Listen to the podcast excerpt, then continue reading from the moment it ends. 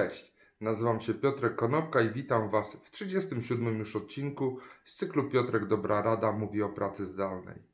Dzisiaj powiem, jak można motywować pracowników właśnie w sytuacjach kryzysowych, czyli przejścia z pracy stacjonarnej do awaryjnej pracy zdalnej i jakie mogą być kolejne kroki właśnie związane z sytuacją pracownika w firmie.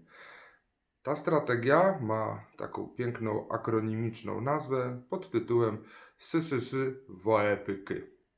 Idziemy do pierwszego S, czyli sytuacja. Należy wyjaśnić pracownikowi, jak wygląda bieżąca sytuacja w firmie. Drugą literką S w akronimie jest strategia, czyli jaką strategię firma przyjęła na nadchodzące tygodnie i miesiące.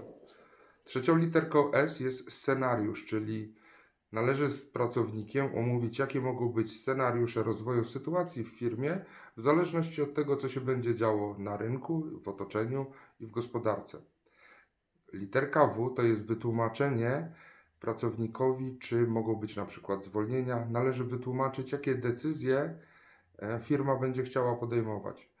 Należy tłumaczyć pracownikom, ponieważ strategia pod tytułem przecież to oczywiste i wszyscy wiedzą, w tej sytuacji się nie sprawdza. Literką O w nazwie to jest odpowiedz.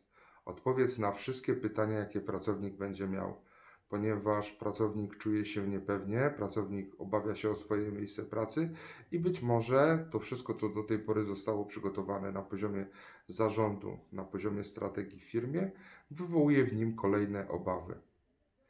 Literka E w nazwie to jest empatia. Okaż empatyczne wsparcie. Okaż chociaż cień zrozumienia dla sytuacji pracownika, ponieważ znalazł się w niej po raz pierwszy, ponieważ ta sytuacja być może go przytłacza. Pamiętaj, przyjmowałeś go do firmy, gdzie miał biurko, gdzie miał własny fotel, a dzisiaj pracuje z domu. Przedostatnią literką jest literka P jak plan. Zaplanuj z pracownikiem działania na nadchodzące tygodnie, tak żeby wiedział, co ma zrobić. Dzisiaj na koniec dnia, jutro, za trzy dni, w następnym tygodniu i w następnym, tak żeby te jego działania były też oczywiście współbieżne ze strategią, którą firma przyjęła. A na samym końcu zdefiniuj konkretne cele.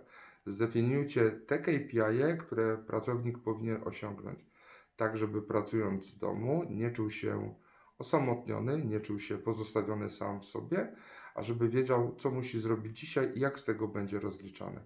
Czyli pamiętajcie, strategia o pięknej akronimicznej nazwie pomoże Wam zmotywować Waszych pracowników właśnie w tych ciężkich czasach. Dzięki serdeczne, do usłyszenia i zobaczenia jutro. Na razie.